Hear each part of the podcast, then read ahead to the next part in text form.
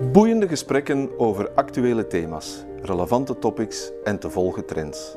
Welkom op de Vlaio podcast waar ondernemers en hun netwerk een stem krijgen, hun plannen vorm en hun ambities een klankbord.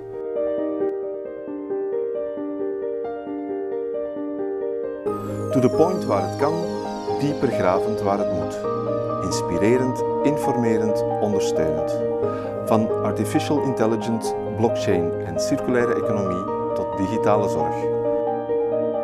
Wij knopen het in jouw oren.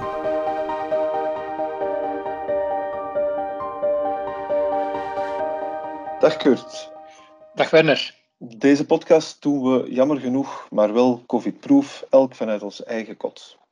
En we hebben het deze keer over een boek dat jou, zo begrijp ik toch, erg inspireert. Paradoxaal leiderschap van Ivo Brugmans. Wat trof jou dan zo bij het lezen daarvan? Wel, er zijn van die boeken die meteen je aandacht trekken. Omdat ze een thema aanboren waar je zelf al eens mee gaat slapen of, of opstaat. En vooral in een wereld die complexer lijkt te worden of toch minstens sneller lijkt te veranderen, worden we dagelijks geconfronteerd met tegenpolen. Ik toch. Uh, je ziet dat ook op politiek niveau. Moeten we investeren versus besparen? Zeer actueel, die discussie in deze tijd. Je ziet het in organisaties. Uh, moeten we een hiërarchisch systeem kiezen versus zelfsturing? Maar we zien het ook in onszelf, toch zeker als je een stukje zelfreflectie doet van oké, willen we autonoom werken of willen we toch meer samenwerken? Dus die tegenpolen zijn echt wel de facto bronnen van spanningen en ze lijken vaak te dwingen tot keuze. Je bent introvert of extravert bijvoorbeeld. Maar is dat wel zo? Uh, er zijn niet alleen veel tinten grijs tussen de uitersten, maar die kunnen ook nog naast elkaar bestaan, heb ik het gevoel. Iedereen heeft zo wel een beetje Jekyll en Hyde in zich.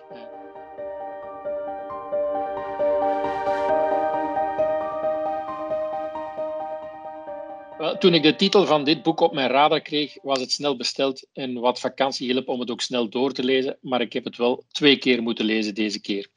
Want management en, en extensie ook leiderschap en durven spreken over paradoxen, dat lijkt toch vaak water en vuur, ook in mijn beleving.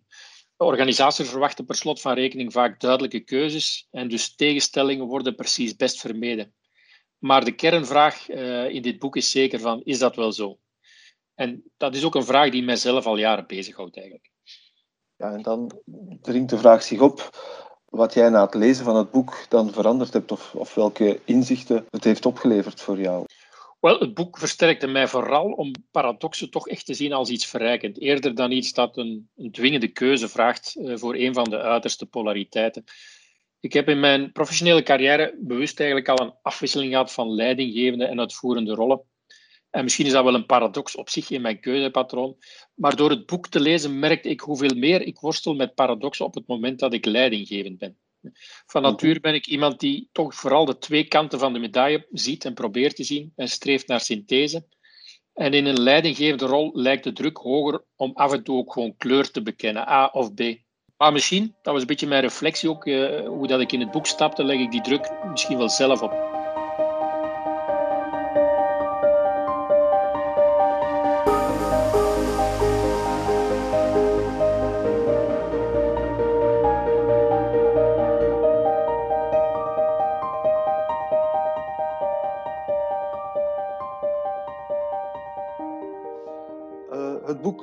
twee grote delen. Een eerste theoretische luik, daar gaan we zo meteen verder op in. En dat bevat de terminologie rond paradoxaal leiderschap. En vervolgens is er ook een praktische vertaling in de werkomgeving. Maar misschien moeten we eerst met de theorie beginnen. Wanneer spreken we over een paradox? Wel, de natuurkundigen onder ons die, die kennen vaak polariteiten uit de natuur inderdaad. Bijvoorbeeld warmte versus koude. Een kracht kan middelpuntzoekend zijn of middelpuntvliedend. Je hebt dus vaak koppels van tegengestelde fenomenen of krachten in de natuur. Bij mensen gaat het wel eerder om tegengestelde waarden en intenties die ons gedrag en dus ook acties misschien wel soms in tegenovergestelde richtingen sturen. Iemand met zelf, zelfvertrouwen die vertoont vaak een ander gedrag dan iemand die zich zeer onzeker voelt in dezelfde context.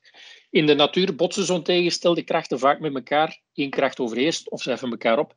Bij mensen en organisaties spreken we eerder over een paradox als tegenpolen samen aanwezig zijn en soms zelfs met elkaar vervlochten zijn.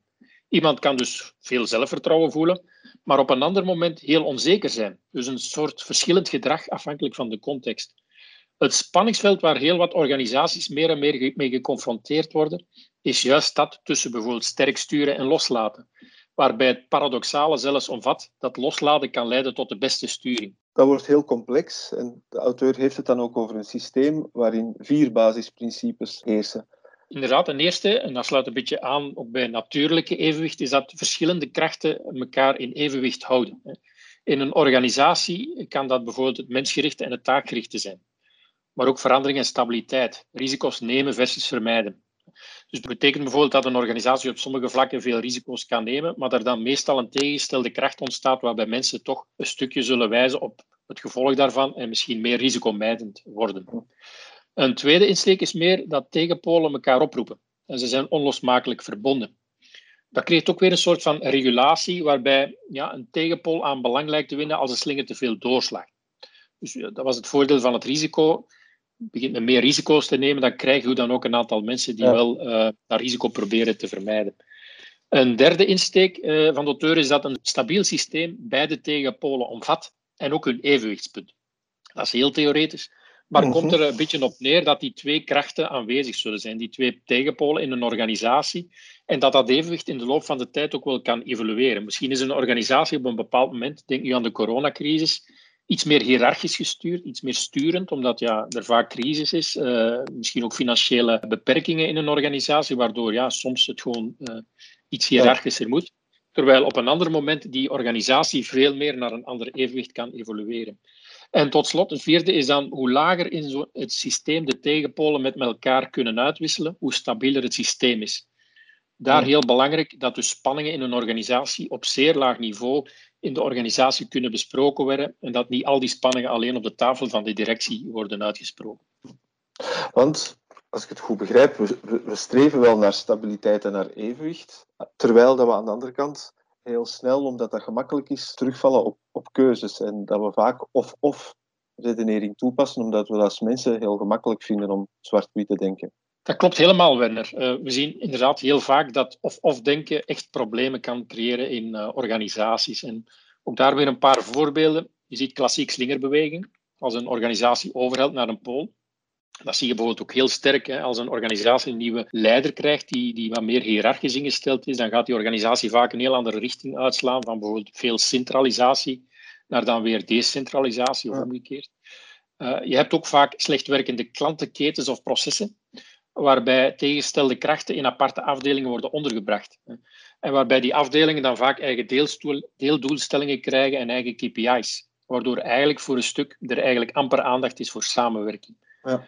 Uh, een derde insteek is bijvoorbeeld ook dilemma's die je ziet. Een echte polarisatie, zwart-witstellingen. Je ziet dat soms in, in, directiecomité's, maar ook organisaties breed.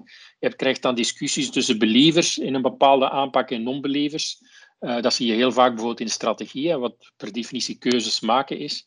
En waarbij je dan heel gepolariseerde standpunten kunt krijgen tussen believers en non-believers. Ja, ja. En typisch ook is dat je vaak natuurlijk bij of-of denken komt in echt inspiratieloze compromissen. Dat kennen we heel sterk uit de politiek natuurlijk, waarbij beslissingen vaak heel suboptimaal zijn. Maar ja, doordat men eigenlijk die tegenpolen gewoon probeert te verzoenen, uh, met focus vooral op het eh, delen van het verlies. Hè. Het is eerder een soort van, wij willen ons verlies als partij, in ieder geval bij de politiek, beperken.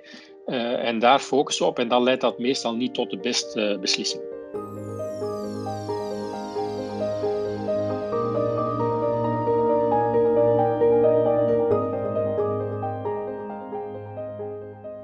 als dat of-of denken niet de optimale situatie is, het moet dus anders, wat, wat, wat stelt de auteur dan in de plaats? Wel, de kernboodschap van het boek, min of meer, is eigenlijk ja, een meer inclusieve manier om met die polariteiten om te gaan en dus te opteren voor en-en. En de basis van dat en-en denken is dat je eigenlijk die beide uitersten eh, in zo'n spanningsveld als gelijkwaardig beschouwt in het begin. Niet dat ze in elke context daarom evenveel nut hebben, of dat ze steeds in evenwicht moeten zijn, maar ze worden eigenlijk nooit uitgesloten, zeker niet in beslissingsprocessen.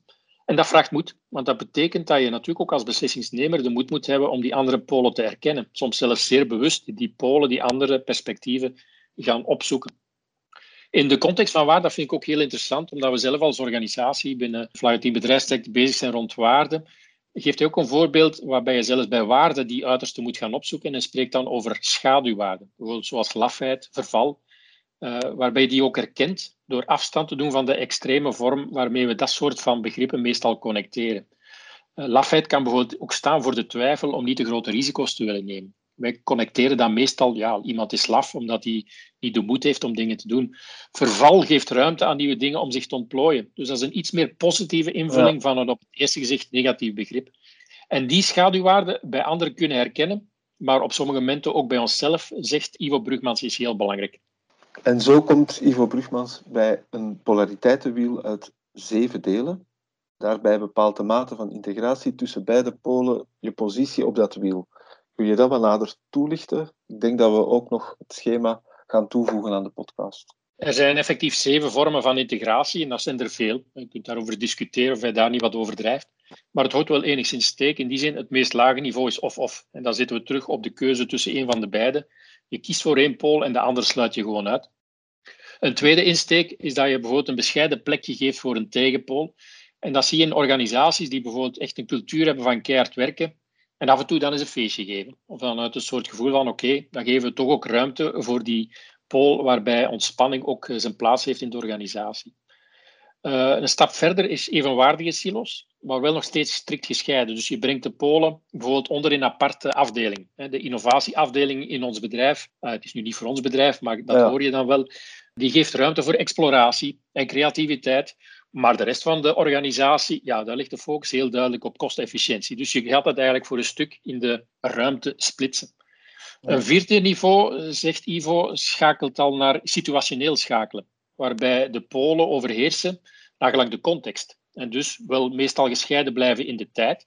En dat zie je bijvoorbeeld bij een voorbeeld als je kan risicogedrag vertonen bij verkoop, maar uh, op het moment dat je effectief bij aankoop uh, gaat kijken, dan is het risicomijdend gedrag. Uh, balans zoeken resulteert in bijvoorbeeld het afzwakken van een dominante pool, is dan een verdere stap. En dat zie je dan in die organisatie met de cultuur van keihard werken, waarbij men dan ineens toch gaat zeggen van kijk, die balans tussen werken en ontspanning vinden wij belangrijk. Wij zetten ook in op extra vakantie of wij gaan bijvoorbeeld meer inzetten op thuiswerk. het doorbreken van grenzen en maken van nieuwe combinaties, waarbij beide polen op hetzelfde moment aanwezig zijn, is dan de zesde stap. Uh, en een voorbeeld daarvan is dat bijvoorbeeld medewerkers in de werktijd ineens ook kunnen aan eigen projecten werken. Dat vraagt al veel meer vertrouwen. En dan de zevende en laatste eigenlijk, en het hoogste niveau van synthese tussen twee tegenpolen, dat is dat je totaal iets nieuws creëert. En ik denk dat we nu in een tijd leven met corona, waar meer en meer bedrijven effectief aan het zoeken zijn naar een nieuwe synthese tussen thuiswerk en werken op kantoor. En dus wat dat betreft denk ik dat heel veel bedrijven nu twee polariteiten die in het verleden misschien zelfs amper bespreekbaar waren, waarbij gewoon werken op kantoor de regel was. Dat veel bedrijven nu aan het kijken zijn, oké, hoe kunnen wij eigenlijk die twee met elkaar gaan samenbrengen, zodat het een win-win kan zijn voor het bedrijf en de medewerkers. Het heeft wel iets Hegeliaans, het hele boek, het denken in these, antithese en dan een synthese die de twee verzoent. Absoluut, eh, Werner. En dat is ook wat de boodschap van de auteur is. De toekomst zal meer en meer een verhaal worden van synthese tussen ja, twee polariteiten en het combineren van de voordelen van de, van de twee perspectieven.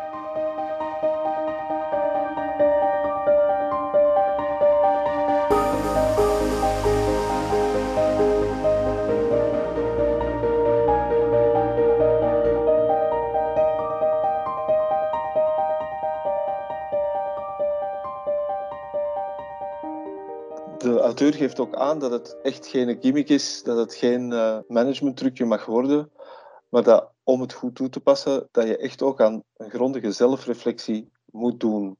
Waarom is dat nodig en, en hoe gaat dat precies in zijn werk? Wel, zelfreflectie is zeker belangrijk. Je moet er echt bewust mee bezig zijn. En dat is niet gemakkelijk, hè, want het vraagt tijd. En ja, we hebben dikwijls niet altijd bandbreedte om dat denkproces te doen voor onszelf. Ik probeer dat te doen. Uh, dus echt door bewust polariteiten te leren herkennen bewust proberen op te zoeken effectief wat andere uh, perspectieven kunnen zijn op eenzelfde situatie. En dat vraagt inderdaad behoorlijk wat uh, zelfreflectie, maar ook interactie met de omgeving. Bij een collega die bijvoorbeeld voorvarend is, neem ik bijvoorbeeld eerder vaak een voorzichtige houding aan. Terwijl bij een collega die overal risico's ziet, zal ik waarschijnlijk voortvarender zelf worden. Ja. Dat kan trouwens bij beide leiden tot ergernis als ze zelf de reflectie niet maken. Want ik ga dan eigenlijk onbewust of bewust eigenlijk een andere uh, polariteit aannemen. En dat kan ook bij andere collega's uh, bijvoorbeeld tot ergernissen leiden. Het is eigenlijk pas op niveau, en dat is een beetje de boodschap van de auteur, als je op metaniveau daarover met elkaar kan spreken, dat je dat ook benoemt, dat je dat ook heel transparant met elkaar deelt, dan kan je bewust omgaan met polariteiten. Want dan kan je daarover met elkaar in dialoog gaan. En dat leidt dan voor een stuk natuurlijk tot, tot betere eh, beslissingen. Nu, elk systeem, dat moet ook erkennen, en dat, kan, dat geldt voor een relatie binnen een gezin, een team, een, een organisatie of een hobbyclub, heeft meestal wel een dominante polariteit. Het is zelfs zo dat je meestal wordt aangetrokken door een systeem dat dezelfde polariteit als thema heeft. Zo trekt een organisatie die autonomie en verbondenheid belangrijk vindt, veelal medewerkers aan die graag zelfstandig werken binnen een groter geheel. Dat is trouwens een evenwicht dat voor mij zeer herkenbaar is in onze eigen organisatie, waar we echt heel sterk uh, bezig zijn met hoe kunnen we samenwerken, maar anderzijds waarbij iedereen in de organisatie toch een zeer hoge mate van autonomie heeft. Nu, je eigen polariteit te vinden is een uitdagende zoektocht dat heb ik toch gemerkt. En die blijft ook duren. Bij sommige polariteiten pendel je echt voortdurend tussen uitersten. Ik ben bijvoorbeeld vaak uiterst sociaal, maar soms ook eerder gereserveerd. Bij andere polariteiten sta je vaak ook onbewust afkerig tegen de tegenpool. Eh, een voorbeeldje uit mijn, concreet, uit mijn eigen leven. Ik vind duurzaamheid heel belangrijk. En dat conflicteert soms met onduurzaam gedrag dat ik stel. Dus soms herken je die beide tegenpolen in jezelf, maar beleef je ze zo sterk gescheiden van elkaar in tijd of plaats. Ik kan soms genieten van routinewerk met het verstand op nul, maar toch ook niet te veel van dat. Dus soms moet het ook creatief werk zijn. Dus eigenlijk voor een stuk is dat ook een balans in je eigen, die je constant probeert natuurlijk in een goed evenwicht te brengen.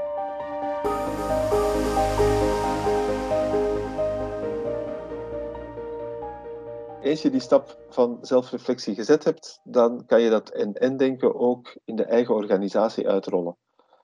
Maar daar, geeft de auteur aan, zijn er ook wel wat randvoorwaarden om dat succesvol te doen. Ja, uh, we moeten eerst bespreekbaar kunnen maken, die spanningsvelden. En ze moeten begrijpen dat spanningsvelden onoplosbaar zijn. En dus is balanceren tussen die spanningen een noodzaak. En dat geeft vaak onzekerheid vanuit het perspectief van een individu. Maar het geeft wel als organisatie ruimte om vooruit te gaan. Alleen moet je die dialoog wel kunnen, kunnen opstarten. Twee is dat de kracht van de tegenpolen ook moet gewaardeerd worden. Maar ook de angst die ze teweeg kunnen brengen. Dus mensen die voor een stuk heel moeilijk om kunnen gaan met onzekerheid in een organisatie, die kijken helemaal anders tegenover een situatie dan mensen die eigenlijk bijna energie krijgen van onzekerheid. Uh, je moet dat bespreekbaar kunnen maken, omdat die beiden natuurlijk vaak uh, moeten verenigd worden. Drie, een gemeenschappelijk denkkader en paradoxale competenties ontwikkelen noemt uh, Ivo Brugmans ook als een belangrijke uitdaging voor bedrijven. Ik noem dat dan eerder aandacht en ruimte geven voor die zelfreflectie. Bijvoorbeeld door mensen ook kansen te bieden om dingen bespreekbaar te maken binnen coaching die aangeboden wordt binnen een bedrijf. Wij hebben bijvoorbeeld zelf afspraken gemaakt om onze waarden zo concreet mogelijk te maken, door bepaalde gedragsvoorbeelden die we stellen ook te benoemen. En door ook de ruimte voor zelfreflectie in onze waarden ook echt expliciet een plaats te geven. Het belangrijke is ook het, de ruimte te creëren voor tegenpolen en verbindingen te stimuleren door aandacht te hebben voor diversiteit. Dus vooruitgang in een organisatie is toch gebaseerd op die dialoog, waarin die verschillende perspectieven aan bod kunnen komen. En die perspectieven kunnen elk contextafhankelijk waarde hebben. Dus er is eigenlijk nooit iets juist of fout. Het heeft heel vaak te maken met de context waarin en tot slot laten zien dat en-en werkt natuurlijk. Hè, want we kunnen wij wel zeggen dat en-en belangrijk is en of, of vaak geen oplossing. Maar we moeten het ook in de praktijk brengen, in beslissingen, door oplossingen in een organisatie uit te werken die uitgaan van die synthese. En door die perspectieven samen te brengen. Dat is er eentje waar ik echt zeg, zelf heel veel belang aan hecht. Ik word graag gevoed door verschillende visies op een probleem om van daaruit een synthese te maken.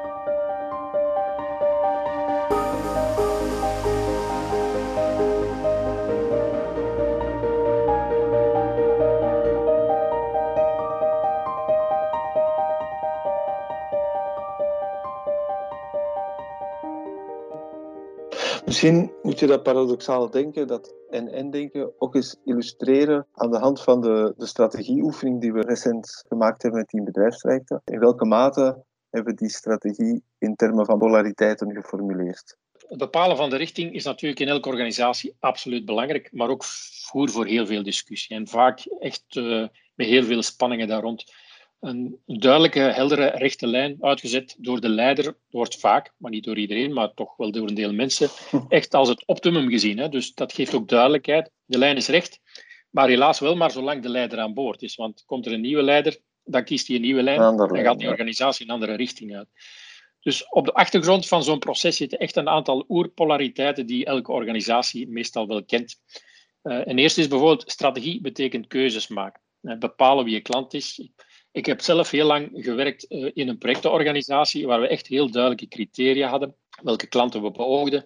En bij een overheidsorganisatie voel ik zelf die polariteit tussen de verwachting dat we iedereen helpen, die aanklopt, wat eigen is aan een overheid, versus dan de must om de steeds meer schaarse middelen in te zetten waar we het meest bijdragen aan de missie van de organisatie. Je kan die keuze als organisatie zelf maken, maar die worden natuurlijk ook vaak ingehaald door wijzigend beleid.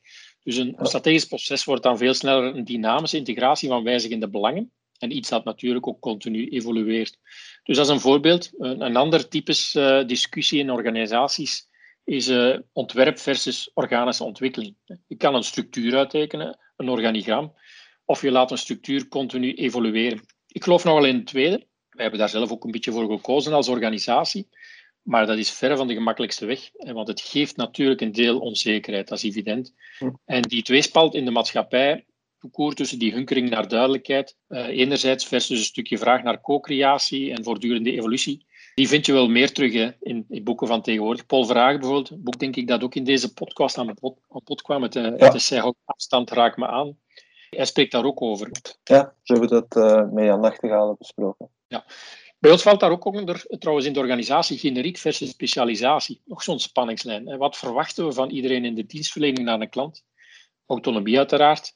En waar streven we naar specialisatie? Want die zorgt natuurlijk voor samenwerking en verbinding tussen collega's. Een les die ik zelf eigenlijk geleerd heb, is al dat structuuroplossingen nooit perfect zijn. Er is echt geen beste manier van indelen. Je kunt indelen op regio, specialisme, klantensegment daar geldt toch een beetje de visie structure follow strategy. Dat blijft een goede leidraad. Visie evolueert, strategie verandert, de structuren ook. En Ivo Brugman geeft ook aan dat meedraaien in andere afdelingen rollen helpt om het geheel te zien. We zijn daar trouwens ook in onze eigen organisatie mee gestart, vormen van wisselleren, om eigenlijk de andere perspectieven ook te leren kennen. En dat verruimt ook het perspectief van mensen.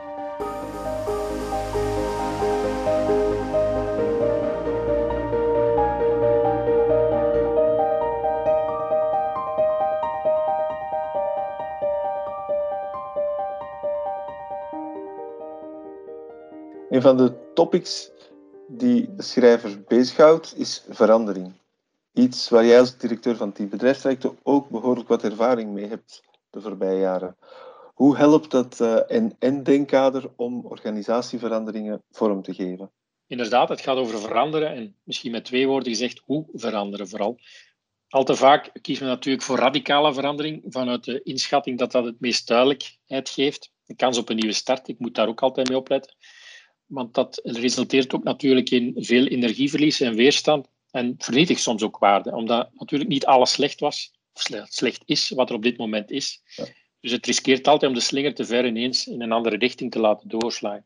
Dus uitdaging voor mij ook is daar eerder om het oude te verrijken met het nieuwe, weer die en-en, en te komen tot een soort nieuwe synthese bij, bij verandering. En ook daar de balans, dat geeft ook eh, Ivo Brugman aan, is ja, toch wel belangrijk om een goede balans te vinden tussen periodes van verandering en momenten van stabiliteit. Dat is ook een leerproces, want dat laatste geeft toch vooral ook ruimte voor vertering van de verandering. Hij zegt daarbij ook dat de mate van winbaarheid in organisaties bepaalt hoe vlot dit gebeurt. Dat ruimte geven voor die vertering, het verwerken van die veranderingen, ja, daar werken wij als organisatie ook continu aan. Ik krijg energie van verandering. Ik zie ook vaak nood tot verandering, maar dat is natuurlijk niet voor iedereen zo. Soms moet je ook gewoon aanvaarden dat een organisatie even tot rust komt en dus de veranderingen die, uh, die we afgesproken hebben ook gewoon verteert. Dat is ook een leerproces. In die context haalt uh, Ivo Brugmans ook de metafoor van de matrushka-poppen aan. Matrushka-pop is ook weer een, een mooi voorbeeld van NN, omdat je daar eigenlijk voor een stuk ja, verschillende identiteitslagen opbouwt. Uh, ik weet niet of je een Matushka-pop hebt, maar ja. een Matushka-pop is inderdaad een pop waarbij elke pop een andere pop omvat. Hè. Dus eigenlijk een soort van, ja, ik noem het ook wel eens het ajuinmodel. Verschillende ajuinschillen, waarbij je de ajuinschil per schil kan ontpellen. Zo is het ook met die Matushka-poppen. Uh, een goede manier om te werken aan de ruimere, diepere identiteit is eigenlijk te bouwen aan onderliggende waarden. die wel gedurende decennia dan wel hetzelfde kunnen blijven. Dus dat geeft echt het fundament van de organisatie. Die ziel die blijft dezelfde, maar krijgt dan doorheen de tijd uh, een andere inhoud en vorm. Wij hebben dit jaar bijvoorbeeld zelf ook als organisatie gewerkt te beginnen vanuit persoonlijke betekenis en van daaruit dan doorgestapt naar organisatiewaarden. En ik heb dat aangevoeld als een zeer waardevol proces, omdat het ook voor één iedereen een moment van zelfreflectie geeft. Wat is voor jou belangrijk?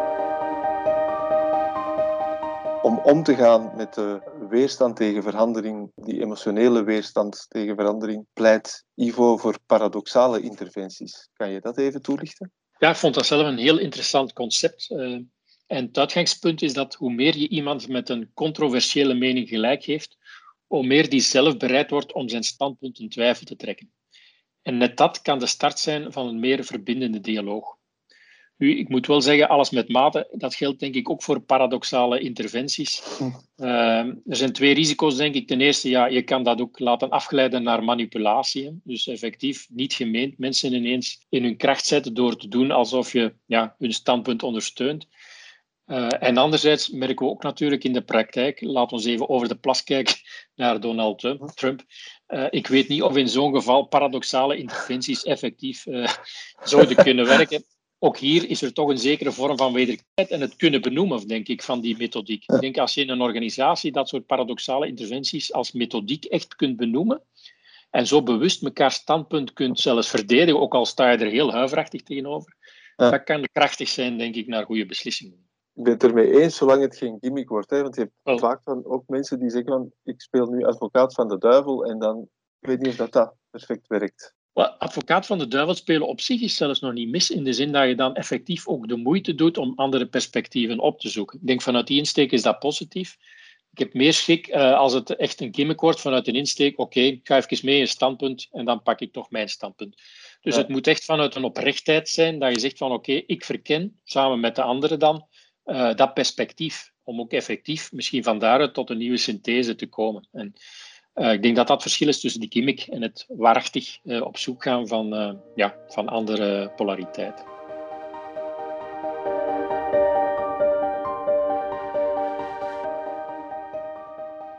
Recent hebben we binnen Team Bedrijfstrajecten een belangrijke oefening rond onze waarden afgerond. Je sprak er daarnet al over. In dit boek komt er sprake dat we ook die schaduwkanten van diezelfde waarden in het oog moeten houden. In welke mate, in hoeverre hebben wij daar naar geluisterd tijdens die oefening? Voor mij was het ook een heel interessant inzicht, alleszins uit het boek, dat een organisatie echt meer baat heeft aan tweezijdige waarden, eerder dan echt eenduidige kernwaarden. En als een autonomie bijvoorbeeld een kernwaarde is, is de tegenpoolverbinding dat best ook. En die tweede is nu bij ons een heel belangrijke waarde, maar sluit eigenlijk die autonomie niet uit van medewerkers wordt niet gevraagd dat ze schitteren in het een of het ander, maar dat ze echt beide aspecten aandacht en waardering kunnen geven. Dus dat vraagt ook aandacht vanuit het leiderschapsteam om daarmee om te gaan. Wij hebben bijvoorbeeld bevlogenheid ook als een eigen waarde, een heel belangrijke organisatiewaarde gedefinieerd. Want ons team kenmerkt zich echt wel door een zeer sterke gedrevenheid en dienstbaarheid om klanten, maar ook collega's verder te helpen. En echt steeds een extra mile te willen gaan voor klanten. Maar dat vereist absoluut, en eh, zo belangrijk ook, dat er ruimte is voor kwetsbaarheid in de organisatie. Aangeven wanneer het misschien niet lukt. Want wij kunnen wel bevlogen en gedreven zijn, maar soms ja, heb je ook gewoon extra ondersteuning nodig. En zonder die tegenpool riskeer je dat iedereen zich op termijn zelfs opbrandt. dus uh, die verbinding waar ik al over sprak, is een, ook een belangrijke waarde. Daarbij wordt dan wel meestal expliciet aan verbinding met anderen gedacht. Maar zoals ik al zei daar straks, het verbinden kan ook verbinden met partners zijn buiten onze eigen organisatie maar ook verbinden met onszelf. Dus ook daar weer zie je natuurlijk, ja, als je spreekt over waarden en je gaat dat zeer eng invullen, dan riskeer je dat zo'n waarde ja, de slinger te veel gaat doen uitslaan in één richting. Dus heb je ook altijd er belang bij dat je ook naar de andere richting kijkt.